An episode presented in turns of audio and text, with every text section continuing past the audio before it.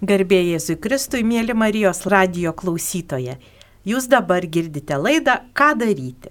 Laidos tema Buvau kalinys, aplankiai mane. Laidą vesiu aš, Fausta Palaimaitė, o su manimi kartu studijoje yra Juratė. Sveiki. Sveiki. Juratė yra pareigūnė buvo ir dabar toliau dirba pataisos namuose pravieniškėse. Tai vad ją kalbinsim ir bandysim nustatyti tokį dalyką, kaip jinai atrado savo prasme, savo džiaugsmą, savo visą kaip ir tam tikrą gyvenimo etapo realizavimo vietą, būtent tarnaudama nuteistiesiems. Tai pirmiausia, Juratė, noriu paklausti, jeigu galima, kiek metų jums, kokia jūsų šeima, kokie jūsų ten nam, namų reikalai ir kaip, kaip va, tas pirmas kartas, kai atėjote į pataisos namus, kada tai buvo ir koks jausmas ir ką darėt. Tai dar kartą sveiki visi, labai malonu, kad aš esu čia, radijoje. Ir norėčiau papasakoti apie save, apie savo kelią. Tai man 47 metai, turiu šeimą, tris vaikus auginu, dukros jau pilnametės, sūnui Ažolui 10 metų. Tai gyvenu Kaišėdoryse, turiu nuo savo namą, kartu su šeima ten gyvenam, tik dukros gyvena atskirai. Tai mano tas kelias ir ateimas į pataisos įstaigą buvo labai netikėtas. Niekada nesvajojau iš tikrųjų apie tokią profesiją ir net ne, nemaniau, kad aš čia galėčiau dirbti bet susiklostė taip gyvenimo aplinkybės ir grįžus iš užsienio neturėjau darbo ir svarščiau, kur aš galėčiau dirbti. Tai kaiminystėje gyvenęs pareigūnas pasiūlė ateiti į pataisos įstaigą, bet iš tikrųjų man tai sukėlė juoką ir galvoju, ką aš jau ten veiksiu, nes aš jam ir pasakiau, ten tik manęs ir betrūko. Bet sako, žinok, darbas neblogas, kas ketvirtą parą dirbsi ir alga nebloga, turėsi laisvo laiko savo. O tuo metu buvau įstojus studijuoti į tarptautinio verslo vadybą, tai pagalvojau dėl laiko, tai tikrai čia man tinka. Bet taip ir atėjau į pataisos įstaigą, bet įsidarbinau į prižiūrėt, apsaugos prižiūrėtoje, tai dirbau kas ketvirtą parą ir mano darbas buvo su užtaisytu automatu stovėti bokštelėje ir saugoti perimetrą nuo pabėgimo. O prieš kiek laiko tai buvo? Tai buvo prieš gerus 13 metų. Ir turbūt tam bokštelį labai daug tų ryšių, santykių su nuteistaisiais nepasitaikė, tiesiog reikėjo būdėti. Kaip, kaip atėjo noras nusileisti iš to bokštelio? Iš tikrųjų, darbas buvo gan niurokas, nes mano temperamento, kaip sakyt, žmogui tai buvo kančia nes turėjai kas e, tris valandas stovėti viena tam bokšte ir žiūrėti į, į vieną ir į kitą pusę į perimetrą ir žiūrėti, kad nebūtų permetimo ar pabėgimo atveju. Tai įsivaizduokit, ką tai reiškia, kai naktį tu būdi ir stovi viena, tave planko visokios mintis, būdavo net ir eilėraščius kurdavo naktyje. Tai iš tikrųjų buvo nelengva. Nelengva, kad turi būti su savim tarp keturių sienų viena. Ir kiek laiko šitoksai darbas buvo? Aš dirbau apsaugoje septynis metus ir tada nusprendžiau, kad kažką reikia keisti. Keisti gyvenime, nes, nu, tai tikrai nepriduoda tau, kaip sakyti, nei, nei jokio mokslo, nei patirties. O per tą laiką galvoju, galėčiau kažką gero nuveikti. Tai Juratė, mes, taip sakant, vakar atidarėme jūsų parodą Sobore, tapybos parodą, tai čia tam bokštelį nutapyta ar kur čia, kaip čia? Kada atsirado tapyba? Tapyba atsirado pas mane prieš devynerius metus. Taip, tai buvo pradžia mintise iš tikrųjų, kai stovėdavau viena tam bokšte, gal ir juokingai skamba, bet aš melsdavausi, prašydavau Dievo, kad jisai man suteiktų tokią galę, kad aš galėčiau tapyti paveikslus, nes tai buvo vaikystės svajonė ir kad tą tapybą galėčiau dalinti su kitais. Tai reiškia, kad aš ją ne tik galėčiau dovanoti kažkam kitam, bet ir mokinti, padėti ir ieškoti tų kūrybingų sielų ir padėti jiems su kūryba. Ir vieną dieną taip atsitiko. Tai palaukit, jūs pirmiausiai pabaigėt kokią ten vadybos profesiją? Jo, tarptautinę verslo vadybą baigus. ir su tuo nieko jau viskas. Šiaip e, esu iš, e, kaip sakyti, iš gyvenimo vadybininkė, nes e, daug metų pati savo verslus turėjau ir Praviniškių pataisos namai man yra pirma darbovietė, kurioje turiu viršininkus ant savęs, kaip galima pasakyti. Ai, supratau. O kaip su tapyba, buvo kažkokia mokykla, kada čia prasidėjo tam bokštelį, penktais metais ar, ar kuriais metais? Tai kažkur panašiai, taip Fausta galima sakyti, bet prasidėjo kaip? Taip ir prasidėjo, nusipirkau drobę, didelę, nusipirkau aliejinių dažų ir kaip dabar atsimenu, tapiau tulpes. Iš kažkur, vat, savo tapau atsistojus, o kad dažai net netokie ir netinka, tai net nežinojau. Tai, va, ta, tai ir reiškia, kad tu savo mokslis ir šitoje srityje esi žalias, tai pradėjau tada, padėjau aš tą paveikslą pradėtą, iš tikrųjų nedabaigtą, ir pradėjau studijuoti, ieškoti profesionalių dailininkų per internetą, žiūrėti video medžiagą, kaip jie dirba, kaip jie tapo, kokie, kokie dažai, pradėjau studijuoti pati, ieškoti informacijos ir va taip tas kelias prasidėjo. Prasidėjo su tokia jėga, kad iš tikrųjų per tą laikmetį nutapyta labai daug paveikslų, kurie iškeliavo, sakau, po visą, po visą Lietuvą ir po visą pasaulį. Kiek tas daug? E, daug tai būtų jau virš 200. Tai jau čia daugiau kaip čiurlionis. E, gerai, tai bokštelis po septynių metų baigėsi ir kas toliau buvo? Tai stovėdama vieną, vieną dieną aš pasakiau savo, kad ne, viskas užtenka, aš noriu daryti kažką kito, aš noriu eiti dirbti į vidų, nors neturėjau jokio supratimo, ką aš ten veiksiu, bet aš galvoju, kad galėčiau save realizuoti kūrybiniai grožio erdvėjai. Ir aš kažkaip pastebėjau, kad pačioje įstaigoje, ne tik turbūt mūsų įstaigoje, labai nebuvo tos žalumos buvo, bet nebuvo spalvų. Sienos pilkos ir jokios tokios augmenijos gėlių nebuvo. Tai aš kaip pabaigus irgi turiu floristo specialybę, tai man ir apželdinimas yra nesvetimas. Tai aš pirmiausia ir pabandžiau nuo to pradėti. Tai ir nuėjau pas tuometinį direktorių, papasakau savo viziją, jisai kažkaip labai pozityviai tai pažiūrėjo ir suteikė man laisvę kūrybinę, kad aš galėčiau ten pasireikšti. Tai prasidėjo nuo keletos erdvių, kurias iš tikrųjų iš nieko padarėm labai gražias. Sužydėjo gėlės ir tada, kai pamatė, kad tikrai galima kažką padaryti, tai aš keliavau toliau ir tvarkiau tas erdves su nuteistaisiais kartu. Ir paskui kaip, kaip tas, vat, vis tiek mūsų ta tema yra, kad buvau kalinys aplankėjai mane kaip vat, atsirado tas supratimas, kad e, čia yra pašaukimas, vieta, tarnystė, nes pati e, jūs turite tiek daug visokių čia tų specialybių, kaip girdisi, o, o liekate dirbti pataisos namuose, na, kur nei ta emocinė aplinka tokia pati mieliausia gyvenime, nei tas atlyginimas labai žavus, nei tos perspektyvos kažkokios labai aiškios. Kaip čia, kas čia atsitiko per atradimai ir, ir kaip tie dalykai keitėsi. Galima pasakyti, kad aš nedėliojau savo kelio iki dabar ir nežinau, kokiu keliu aš eisiu, bet vidinis toks, nežinau, galbūt ir iš aukščiau tas vedimas yra, kai tiesiog tave veda. Tu neplanuoji nieko, bet eini tuo keliu. Kai pradėjau dirbti viduje su nuteistaisiais, tai pamačiau, kad ir ten yra žmonės, ir kūrybingi žmonės, su kuriais galima nuveikti labai daug ir tiesiog pradėjau tą savo, nežinau, tarnavimą, ėjimą ir man labai patiko. Aš galvoju, kad aš įprasminau save, nes tai nebuvo tai, kad tu ateini į darbą ir, kaip sakot, atbūti, atsėdėti ar dar kažkaip tai save, nežinau, nieko neveikti. Pas mane galvoje visą laiką buvo, kad kiekvieną dieną mes kažką turim atrasti, sukurti, padaryti, kad ta diena būtų kuo pozityvesnė, kuo gražesnė, kuo geresnė. Tai po to keliu ir einu iki šiol. Tai suprantu, kad e, jūs ir toliau buvot saugumo valdymo skyriui, ar perėjote į kitą skyrių, Aš... kai į tapybą pasinešėt? Mhm. Aš iš pradžių perėjau į, į pasimatymų skyrių, kur dirbau su pasimatymais, o paskui man direktorius pasiūlė ateiti dirbti į priklausomybės turinčių asmenų reabilitacijos centrą.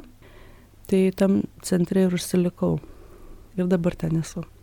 Juratė ne per seniausiai lankėsi Kauno tardymo izolatoriui pas nuteistuosius nepilnamečius ir mes liejome kartu atvirutes Ir taip pat jinai jaunimui pasakojo apie tai, ką gali kūryba. Tai labai norėčiau, kad ir klausytojui papasakotumėt savo tas vat, patirtis su nuteistaisiais, ką kūryba gali ir truputį smulkiau apie konkrečius e, meno, va, tuo, tuos dalykus, kuriuos užsijima.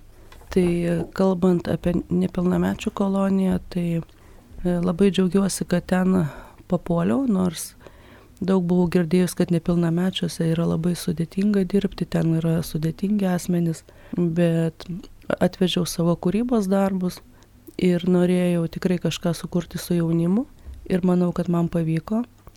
Tai mes daug kalbėjomės apie mano kūrybą, apie tą kūrybą, kur mes e, darome su nuteistaisiais ir po viso šito pokalbio turėjom galimybę kurti, lieti spalvas ir daryti, kaip sakyt, viską iš tos emocijos, kuri buvo tuo metu. Tai man tie jaunuoliai nepasirodė kažkokie tai agresyvūs ar dar kažko ypatingi.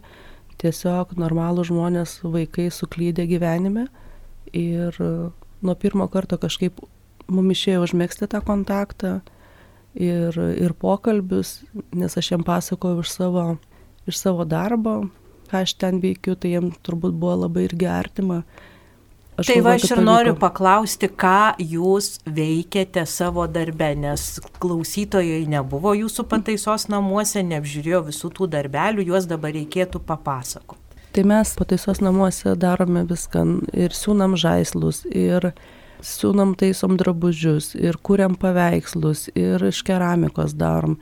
E, vienu žodžiu, ką sugalvojam patys ir iš popieriaus, nes ieškau, ką žmogus gali geriausiai. Aš galiu juos pamokinti, bet kiekvienas kažkur tai linksta. Vienas galbūt su, sakau, kaip soda dirba, e, ten knygas velka ir taip toliau. Kitas keramikas yra, su keramika jam, jis daugiau nieko nenori.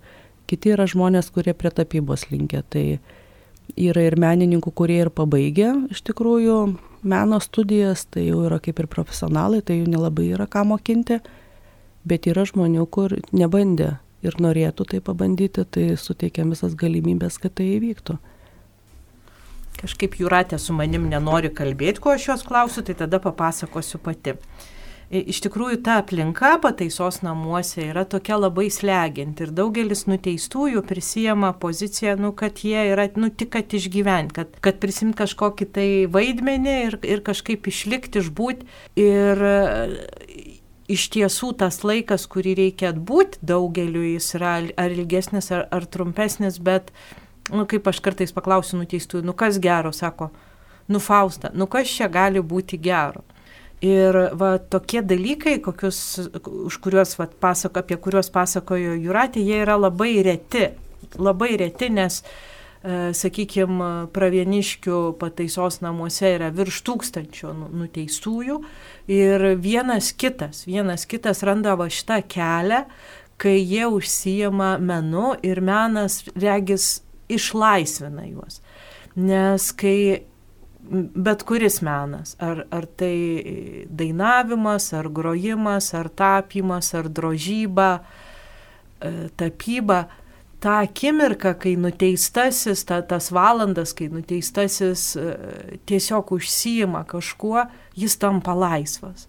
Nes jis užmiršta, kad yra pataisos namuose. Jis iškeliauja e, bet kur. Jeigu jisai tapo, jis iškeliauja ten, ką tapo, ką mato, tą vaizdinį, kurį tapo. Jis, jis yra ten, tos spalvos visiškai, kai nuneša kitur. Ir labai dažnai net tie žmonės persikeičia, pasikeičia, jie yra visai kitokie kartu su, su, su nuteistaisiais ir visai kitokie, kai jie pradeda vat, savo į, į tuos susiemimus, į kuriuos jie gali iš tikrųjų įsijausti. Ir menas yra ypatingas tuo, kad, na, skirtingai nei sportas, nes sportuoja dažniausiai, jeigu ten žaidžia krepšinį ar futbolą, e, sportuoja grupėmis ir, ir vėl ten yra keiksmažodžiai, vėl ten yra yra atitinkamai ten visokie tokie varžymosi, lenktyniavimo elementai, o mene nėra. Mene nėra. Mene yra visiška laisvė. Ir žmogus, droždamas ar tai tapydamas, jisai, jo akis ima žibėti. Ir tikriausiai jums yra tekę, mėly klausytojai, matyti ten, kas čia labai populiarios yra medinės išdroštos tulpės arba netgi suvirintos. E, taip pat e, laivus labai kruopščiai kai kurie vyrai klyjuoja. Tai čia jau yra tokie ko netradiciniai, visuose pataisos namuose kažkas tai klyjuoja laivus. Kur be nueitum, jie tuos laivus klyjuoja. Vienas, du žmonės, tai aišku, tai daugybei, tai yra nu, visai nedaug tų žmonių bet kažkas tai nuostabaus, tu pasižiūri, kaip jisai tą, na, kelių milimetrų detalę ima šlifuoja, ten iš siuliukų tuos e, detalės burlaivių gamina, kopečias, ten vos nesu dantų krapštukais. Tokio kropštumo darbus, o, o vyrų pirštai tai, nu, tokie dideli ir, ir tas darbas taip, nu, vyksta, nu, labai lietai, bet tame yra kažkur tokia harmonija, toks grožis, nes iš tiesų jie taigi ir niekur neskuba. Žinoma, dar, dar vienas iš tokių užsiemimų, kur, kuris visiems prieinamas, yra skaitimas, bet apie skaitimą mes kitą kartą kalbėsim su kažkuo tai, kas atsakingas už, už tuos dalykus, o šiandieną e, labiau mums įdomu vat, vat tas meninis vaizdavimas. Juratė, kai pas mus buvo atvykusi, demonstravo karpinius arba pjaustinius ir pasakojo apie vaikiną, vat, kuriam niekas netiko. Tai norėčiau paprašyti, kad irgi čia papasakotumėt e, klausytojam. Į mano būrį atkeliavo vaikinai. Iš tų vaikinų vienas buvo jaunas 24 metų. Jisai buvo priklausomas nuo narkotinių medžiagų ir ateidamas į užsiemimus pas mane, kūrybinius meninius, jis kažkaip tai nelabai noriai darydavo Tai mes ten iš pradžių ir spalvodavom tokias mandalas ir visus kitus kūrybinius darbus darydavom. Tai jis sako, nu čia jau neįdomu, jau čia matyta, jau čia, jau čia patirta, aš kažką noriu kito daryti. Sakau, tai gal pabandom išpjaustyti tas mandalas. Sakau, aš tai niekur nemačiau, kad tai būtų. Nu gerai, sako, pabandom. Tada aš jam atnešiau irgi tokį profesionalų peiliuką. Jis pas mane kabinete pradėjo pjaustyti tas mandalas. Tai buvo ant e, plono popieriaus balto atspausdintas kaip trafaretas ir jis turėdavo jas išpjaustyti. Tai įsivaizduokit, kai tai yra sudėtinga ir kiek reikalauja koncentracijos ir susikaupimo, kai pas priklausomus žmonės ir rankos dreba ar ne ir tos koncentracijos nėra. Tai jis iš pradžių mokinosi susikaupti, susikoncentruoti ir pradėdavo pjaustyti tuos darbelius. Tai ne iš pirmo karto tikrai pavyko, nes labai buvo daug sugadinta nes aš pati pabandžiau tai daryti ir truputėlį ranka ne į tą pusę ir tu sugadini, nes tu perpjauni. Tai man pačiai to daryti nelabai išėjo. Bet jisai po, po kelių to pjaustimo darbų, jis taip įsijautė ir kiekvieną dieną ateidavo, prašydavo vis naujų ir sako, va čia va, taip mane užkabinai, kad čia yra mano narkotikas. Aš sėdžiu, mane nuneša net iki vaikystės aš pamirštu, kur aš esu, kaip ir Faustai jūs sakėt. Ir laikas taip bėga, tiesiog savaitėm bėgdavo laikas. Tai aš galvojau, kad kaip tam vaikinui dar daugiau motivacijos įkvėpti, tai mes tas baltas mandalas suklyjavom ant tamsaus mėlyno kartono, jas laminavau ir padarėme parodą. Tai su pristatymu, su atėjo visi ten nuteistieji buvę, ir arbatą gėrėm ir kalbėjom labai daug, tai buvo labai jautru, nes tai buvo jam pirmą kartą. Ir paskui paprašė, kad į Lenkijos parodą dar darbelių, tai tris darbus iš jo tų darbų nusintėm į Lenkijos parodą, bet šiai dienai jie negrįžę, bet tie kiti darbai yra ir sakau, kaip tu norėsi juos, bet kada galėsi pasimti savo. O šitas jaunuolis jau yra laisvėje? Jis yra šiuo metu Vilniaus pusiaukelės namuose. O dar kažkokiu tai galėtumėt papasakoti istorijų, kur vat, tie žmonės e, pradėję ar, ar pradėję tapyti, ar siūti, ar e, siuvinėti, ar dar kažką daryti, kažkaip e, nu, aiškiai matėsi, kad jiem padeda ir, ir patiems keistis tokių vat, konkrečių istorijų. Tai noriu papasakoti, kaip mes pradėjom siuvimo pamokas, tokia atidariau siuvimo burelę. Tai galvoju, kaip vyrus čia irgi dabar sumotivuoti, kad jau jie ateitų pradėtų siūti. Tai kaip ir visada, visos naujovės jiem yra, nu, jie prieštarauja ir jiem juoka labai kelia. kaip sako, tu čia įsivaizduoji, ką mes čia siūsim. Nu, sakau, siūsim, sakau, saga, ir mokatės įsiūt. Nu, mokam, bet ne visi. Tai sakau, pradedam nuo sagos. Tai pradėjom nuo sagos, paskui sakau, atsineškit savo drabužius ar, ar kažką, tai kuprinės, ką jūs turit, gal kažkas suplyšę, susisiūkim. Tai pradėjom nuo to, mokinom rankom, kaip įversiūlą, kaip kokią dyksnį siūti. Tai buvo tokia pradžia, o paskui sugalvojom, kad kalėdoms reikia sukurti kažkokius žaislus, žaisliukus, kad juos galėtume padovanoti ar vaikų namams, ar į darželius vežiam. Tai irgi pradėjom nuo tokių pelėdžiukų. Aš jiem atšvečiau trafaretus tokius, tai jie ir pjaustė juos, ir medžiagas karpė, ir siuvo rankom, paskui juos prikiždavo sintiponų vadinamų Ir tuo žaisliukų mes prisiuvom labai daug ir išvežiojom po penkis darželius. Tai aišku, dar buvo ten ir kitų nuteistųjų dovanų. Bet prasidėjo tas siuvimo kelias ir jiem, aš matau, kad patiko tas, kad jie ne tik išmoko, bet savo tą kūrybą, savo kūriniu galėjo pasidalinti su kitais. Jie kažkaip ir tą prasme matė, kad ne tik tai aš savo galiu kažką padaryti, bet kažką galiu ir duoti. Tai šiai dienai jau tie jau mano siuvėjai, kurie tikrai nuostabius darbus padarė, yra jau laisvėje, bet turiu kitą komandą, kuri irgi jau pradėjo, kiti jau geriau moka ir mes toliau, kaip sakyti, judam. Kiek tokių nuteistų yra, kurie siuva? Nuo keturių iki penkių, nes į būrį visi įsikelia po naują, tai jeigu jam patinka, tai mes pritraukiam ir parodom ir jie įsijungia. O ko, kokie dar užsiemimai vyksta? Ar tie patys penki, ar jau kiti, pavyzdžiui, eina ten? Kiek, pavyzdžiui, tapančių yra šiuo metu, kur, kur prašo ten tų siūlų, drobių, nežinau, ko ten dažų? Jo, tai aš e, turiu galimybę eiti ir pas kitus nuteistuosius, į kitus būrius.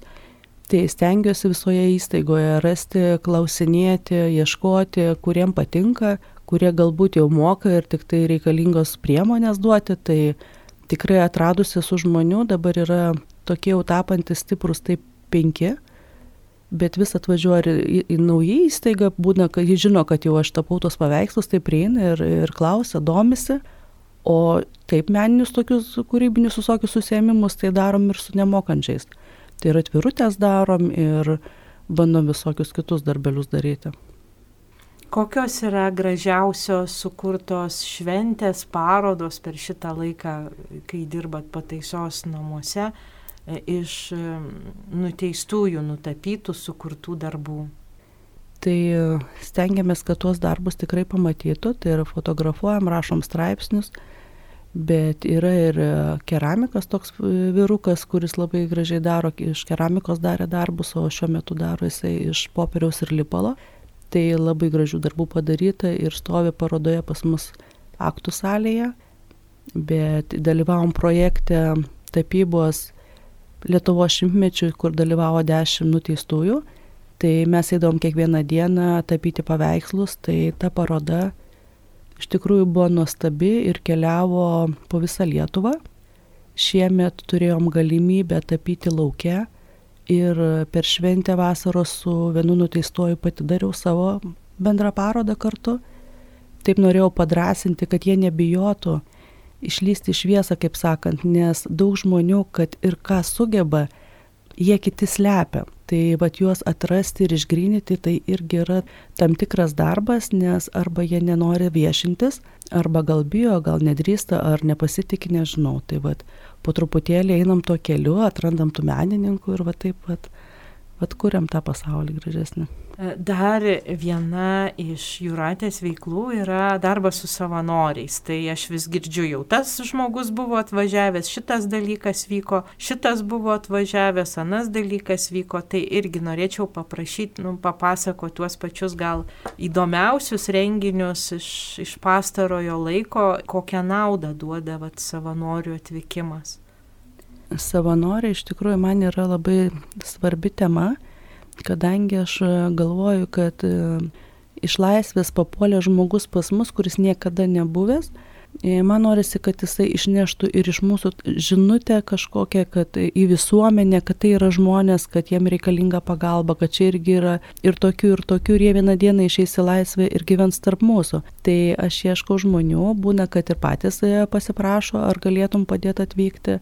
Bet dažnai ieškau ir sportininkų, ir dvasininkų, visokio, kaip sakyt, žmonių, kurie galėtų pravesti paskaitą, pabūti. Va šiais metais organizavom fotografijos pasaulinę dieną, tai buvo irgi žymus fotografas Vidmantas Balkūnas su savo filmais, kuris irgi karštuose taškuose dalyvaudavo ir fotografuodavo, filmuodavo. Tada buvom pasikvieti irgi sportininką pasaulio irgi keturis kartus čempioną Amanda Paulauską, kur nuteistiesiems irgi buvo labai smagu jo klausyti apie sportą, apie meditaciją, apie mytybą. Tai tų žmonių tikrai norinčių yra daug, bet jeigu aš e, sutinku žmonės, kuriuos galėčiau pakviesti, tai aš juos būtinai kviečiu ir kai jie nori, jiems tikrai būna duris atidarytos, aš padedu tai. Iš tikrųjų, tas pirmas apsilankimas pataisos namuose, turbūt ir, ir e, pas visus labai panašus, jis nėra malonus.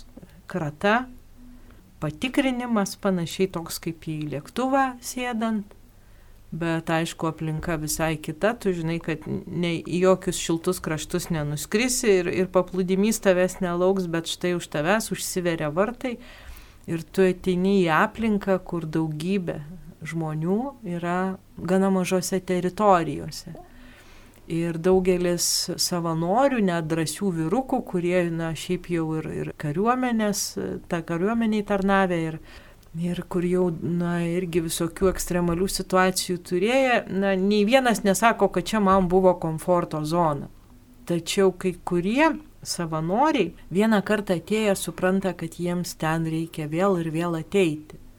Ir va aš irgi noriu kreiptis į klausytojus, kurie mus girdi, kad jeigu pas jūs yra toks noras ateiti, pravesti kažkokį renginį, gal visai su nedaugeliu, su penkiais, ar, ar su aštuoniais žmonėm, ar su dvidešimčia, ar muzikos, ar meno, ar šiaip kažkokį užsiemimą, kad e, pabandytumėt, pabandytumėt, ryštumėtės, kiekvienoje įstaigoje yra žmonės atsakingi už savanorius, susitikimą su jais norint ateiti į įstaigą, vienas dalykas, kuris yra labai svarbus, tai žinoti, ką jūs darysite, ką jūs norite daryti ir kokiu jums reikia sąlygų. Nes darbuotojai, pareigūnai negali žinoti už jūs, ko jums reikia, ko jūs norit. Todėl vat, labai konkrečiai pasakyti reikia, aš norėsiu vat, daryti šitą dalyką, sakysime, piešti atvirutę su nuteistaisiais. Ir tada jūs galvot, ko jums reikia. Tai aišku yra paprasčiausiai, jei, žmogus atsineša savo priemonės, nes kartais nėra jų, ne, negauname, nerandame vietoje. Ir tada labai aiškiai suvokia, su kiek žmonių vienu metu jis gali dirbti. Galbūt galima du kartus paimti po penkis ar po aštuonis žmonės, kad mums reikės stal, stalų, mums reikės, kad kėdės prie jų būtų, mums reikės, kad kreuklė būtų, vanduo. Bet kokie tai nuteistieji, nes irgi labai yra skirtingi žmonės. Tai vėlgi visada nuteistieji eina savo norų, nieks jų priversti negali. Ir tikrai naujos veiklos kažkokios tai nematytos, nauji savanoriai, jiem irgi gana įtartinai atrodo. Jie svarsto, ar, ar man čia tikrai reikia eiti, ar aš ten mokėsiu atlikti, ar man gerai pavyks, o jeigu nepavyks. Tai vėlgi dažniausiai būna tie patys nuteistieji, kurie dažniausiai eina bendrauti su savanoriais, kurie nori užmėgsti tų va, ryšių santykių. Todėl ir nuteistiesiems reikia surašyti labai aiškę žinutę. Labą dieną, aš toks ir toks ateinu, noriu, gaminsiu su jumis atvirutes. Jūs tas atvirutes galėsite pasiimti ir siūsti kalėdų progą savo artimiesim. Tai jiem labai jau aišku bus, ar ne? Tada vad ką darysim, ar ne? Ir kiek laiko truks. Tai tokius labai konkrečius dalykus pateikus, jums įstaigos darbuotojai pagal galimybės suruoš tokias sąlygas, kokiu jums reikia ir galės įvykti vat, toksai susitikimas. Kartais būna, kad nuteistieji visai nenori eiti, kartais būna, kad jų labai daug nori eiti, tai kartais būna jie gerai nusiteikę, o kartais kažkas atsitinka jų būry ir jie būna prastai nusiteikę. Tai kaip, yra, kaip ir šeimoje būna, taip ir pataisos namuose negali labai daug visko suplanuoti. Tačiau teisingai komunikuojant galima sukurti nuostabių dalykų. Ir sakytume, o kam to reikia? O kamgi to reikia? Vat jie nusikalto, padarė baisius nusikaltimus, kažką nužudė, kaž, kažkieno vaikam pardavė narkotikus, ka, kažką tai apiplėšė, kažką tai suniokojo, vat sėdi ir tegu sėdi. Tai jie sėdėti dažniausiai jau yra išmokę, šito jų mokyti nereikia, bet sukurdami jiems naujas kažkokias tai patirtis, ką, ką gali išmokti, ką gali atrasti savyje, tie žmonės sužino, kad jie moka ir daugiau dalykų. Ir mano toks jau nu, tradicinis pasakojimas yra, kai aš su savo nepilnamečiais vaikinais tapiau paveikslus, Tai tikrai labai ten buvo tokių situacijų, kur na, žmonės pirmą kartą paėmė teptuką į rankas ir, ir akrilą tepa ant drobės Ir e, jau aš galvoju, kaip čia jam pasakyti, jau stenkis, jau čia, nu, čia neturi likti baltų dėmelių, čia visos linijos turi susieiti, čia va nutrūksta tavo kelias, turi nenutrūkti, čia va tie debesėliai netaip išplaukia, tegu plaukia, ten toliau plaukia. Ir vienas berniukas sako, Fausta, ašgi ne dailininkas, ašgi vagis. Tai man va, ta situacija buvo tokia labai m, mm, pačiai tokia labai iškalbinga, kad, na, va, jisai žino, jau prisiklyjavę savo tą etiketę, kad jis yra vagis. Bet gal jis galėtų būti ir dailininkas. Gal jam ir nepavyks su dailė, paskui galbūt jisai eis pabandyti mm, kažką veikti iš medžio, galbūt atras, kad jis gali būti stalius, pavyzdžiui, arba gal jam visai patinka sienas tinkuoti ir dažyti. Ir tie vat visi užsiemimai žmogui padeda atrasti, kad jis moka daryti kažką tai gero, gali daryti kažką tai gero ir užsimti gerais dalykais. Nes žinote, kai tiek daug prasikaltusių žmonių yra vienoje vietoje, tai ten anaip tol nevyksta nei intelektualūs pokalbiai, nei studijos, nei dar kažkokie tai dalykai. Tie žmonės, kokie yra, kas jų viduje apie tą jie kalba ir, ir to vieni kitus mokina. Ir va šitie savanoriai, kurie ateina ir sukuria visai kitą nuotaiką, sukuria, atneša kitokias mintis, tiesiog įneša tokį pasikeitimą pačioj toj visoj struktūroj. Tiesiog po susitikimo girdi, kad ir mažiau keikėsi tarpusavį kalbėdami arba bėga papasakoti pareigūnui, ką darė, ką, ką pavyko atlikti, jeigu tą daiktą galima nunešti tai nuneša ir, ir kai aš pati mm, tapiau su vaikinais, tai vėlgi ateidavo pareigūnai jų paimti, tai jie labai mielai vesdavosi juos parodyti, kiek jie patapė, kaip jie išėjo, žiūrėdavo, kaip reaguos.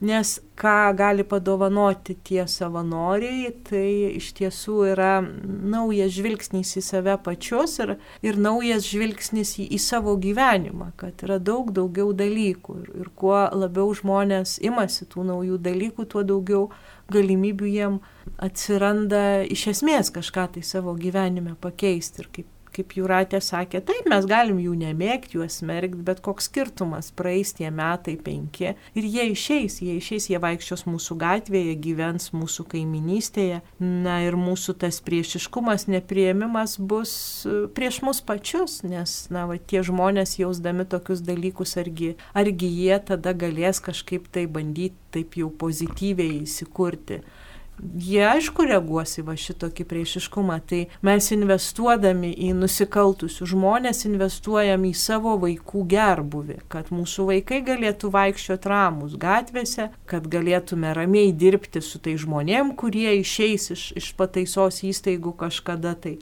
kad mes jaustumės ne, ne, ne kaip priešai, bet uh, tiesiog kaip visi žmonės, kaip visi žmonės gali suklysti, paklysti ir atsidurti dėl įstatymo keistenybių pataisos namuose, tai lygiai taip pat ir, ir tie žmonės, kad ir kokį nusikaltimą padarė, jie, na, gali ir kitaip nuspręsti, nebetesti to tokio savo gyvenimo. Ir aišku, yra labai paradoksalu, kad jeigu nuteistasis grįžta atgal į įstaigą, vėl padaręs nusikaltimą, mes matome, arba jeigu tai spaudoje rašoma, kad va išėjo ir vėl nusikalto, atrodo, kad nei vienas nepasitaiso, bet yra netiesa, nes apie tą, kuris pasitaisė, tai niekas nerašo, apie tą, kuris sukūrė šeimą, kuris rūpinasi savo vaikais, kuris netgi savanoriauja, daro gerus darbus arba bando atsilyginti už tą blogį, kurį iki šiol yra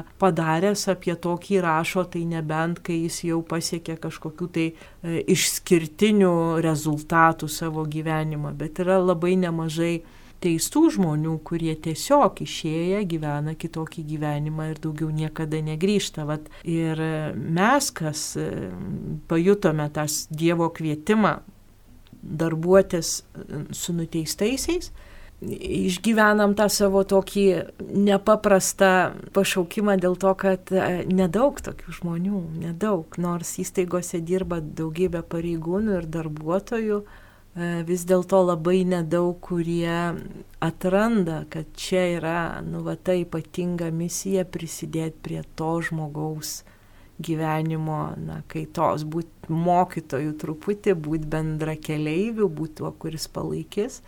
Ir iš kitos pusės yra labai smagu, kadangi aš dabar keliauju per daugybę įkalinimo, praktiškai per visas įkalinimo įstaigas. Tai visur yra tokių darbuotojų, kai kurie yra tiesiog įdarbinti, kad um, užimtumo srityje darbuotojus, tai ir bat ir mesga, ir muzikuoja, ir siuvinėja, ir siuva. Ir, ir tikrai, kai jie pasakoja, va, kaip vyksta, kaip jie pajaučia kontaktą su tai žmonėm, kaip, kaip tie žmonės atsiskleidžia, tai matosi, kaip jie išgyvena irgi tokį, na, savo tam tikrą savirealizaciją, pašaukimą, užsimdami su nuteistaisiais, tokiais va, visai paprastais dalykais. Na, įsivaizduojat vyrai, ima virbalus ir mesga. Arba čia apie tuos žaisliukus, kur Jūratė pasakoja, jūs net negalite įsivaizduoti, kokio kruopštumo tai yra darbai. Aš pati gavau batukus tokius, du, du batukai yra ir jie gal kokių 3, 4, gal 5, nu, 5, nu, 4 gal centimetrų dydžio. Bet taip kruopšiai atlikti, kad net sunku patikėti, jog čia yra rankų darbas. Ir tai daro vyrai, tai daro žmonės, kurie niekada ne, nedarė, kuriem tikrai trūksta ir, ir kantrybės, ir su, su, susitvardymo daugeliu atveju, ir vat jie užsimdami šitais dalykais, tai ugdosi. Tikrai kviečiu kiekvieną, kurio viduje suvirpėjo, pagalvoti apie galimybę atvykti į mūsų įstaigas ir sukurti užsiemimą nuteistiesiem, padovanoti jiems laisvės valandą, nes būdami su jumis jie nebesijaus pataisos namuose ir galbūt labiau pamils tą laisvę. O pabaigai dar norėjau Juratės paklausti, kas labiausiai motivuoja likti šiame darbe. Žinau, kad jūs buvot dėl sveikatos išėjus ir, ir dabar vat vėl sugrįžo, tai kokie tie pagrindiniai motyvai? Pagrindiniai motyvai būtų kai tu matai ne tik prasme, bet iš tikrųjų, kad žmonės keičiasi. Keičiasi dėl tokių dalykų, kad mes jiems suteikiam bent tuo metu būti laisvais ir daryti, ką jiems labiausiai patinka. Tai iš tikrųjų, kai sukuri tą atmosferą ir duodi įrankius, tai pamatai, kad tai po mažai žingsnelės, bet žmonės keičiasi ir tai tave džiugina. Ir tu matai prasme, kad tu ne, ne šiaip savo vaikštai tą darbą, bet kad kiekvieną dieną, nors prie kelių žmonių prisidedi, kad jie būtų geresni. Ir aš pritariu šiems žodžiams ir baigdama laidą linkiu visiems būti sveikiems, būti laimingiems. Beveik visą lapkričio mėnesį dar Juratės paroda bus Kauno Soborė, kviečiu apsilankyti ir, ir suprasti, kad to, tos dailininkės įkvėpimų didžioji dalis yra ir iš jos tarnystės pataisos namuose. Ir primenu, kad jūs girdėjote laidą Buvau kalinys aplankėjai mane. Sudė. Sudėjau.